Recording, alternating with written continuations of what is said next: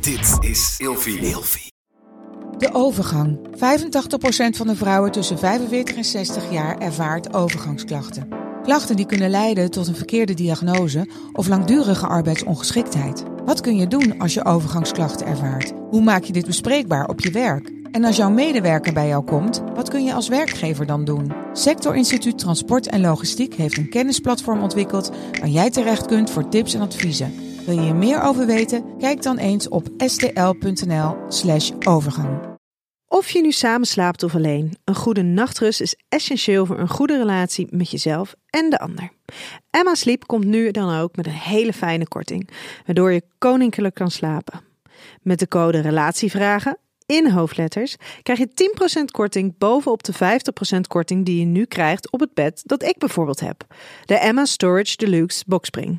Handig voor als je goed wil slapen en extra opbergruimte wil.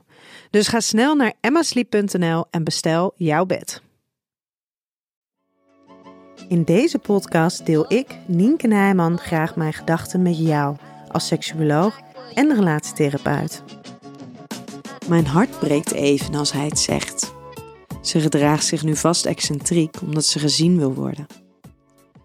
Ik spreek deze man nu ongeveer een half jaar en het zijn mooie gesprekken. Hij merkt dat hij erg onrijp is op het emotionele vlak en hij hierdoor vaak lomp overkomt, zeker binnen relaties. Verder is hij overigens een zeer ontwikkelde man. Hij heeft een succesvol bedrijf waarin hij het als werkgever goed doet met zijn werknemers. Op zakelijk vlak weet hij wat hij doet, waardoor het ook zo gemakkelijk is om je te laten verleiden in zijn vlotte babbel. Maar met uitspraken als deze worden we ineens geconfronteerd met de andere, wellicht minder ontwikkelde kant van hem. Mijn dochter vertelde me dat ze op vrouwen valt, maar ik denk dat het gewoon is omdat ze aandacht wil. Dat is wat hij zegt. Zijn dochter is 21 en bereidt zich voor op de overname van het bedrijf van haar vader. Ze is ambitieus en serieus, maar ook erg introvert. Aanvankelijk denk ik, of hoop ik, dat zijn reactie voortkomt uit zijn emotionele onrijpheid. Juist omdat dat het punt van aandacht is van de therapie, vraag ik hem om meer tekst en uitleg. Wellicht dat hij dan op andere woorden kan komen dan degene die hij in mijn beleving wat ongelukkig had gekozen. Maar dan blijkt dat hij precies deze woorden bedoelde. Hij dacht niet dat zijn dochter serieus gevoelens voor vrouwen zou kunnen hebben. En toen gebeurde er iets bijzonders. We werden er beide mee geconfronteerd dat we onze eigen gedachten en overtuigingen als de norm zagen.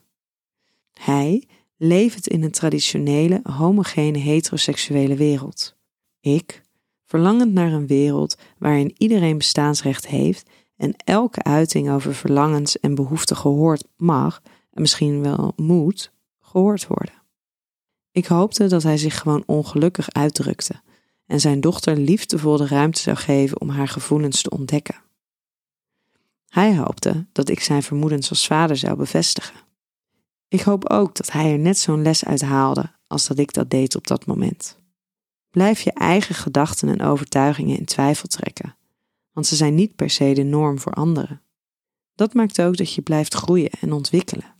Uiteindelijk mag je ook wel bij je eigen gedachten en overtuigingen terugkomen, zoals dat ik deed in dit geval. Maar geef de ander in ieder geval altijd de kans om een situatie vanuit een ander perspectief uit te leggen. Met de code RELATIEVRAGEN in hoofdletters krijg je 10% korting bovenop de 50% korting die je nu krijgt op het bed dat ik bijvoorbeeld heb. Dus ga snel naar emmasleep.nl en bestel jouw bed.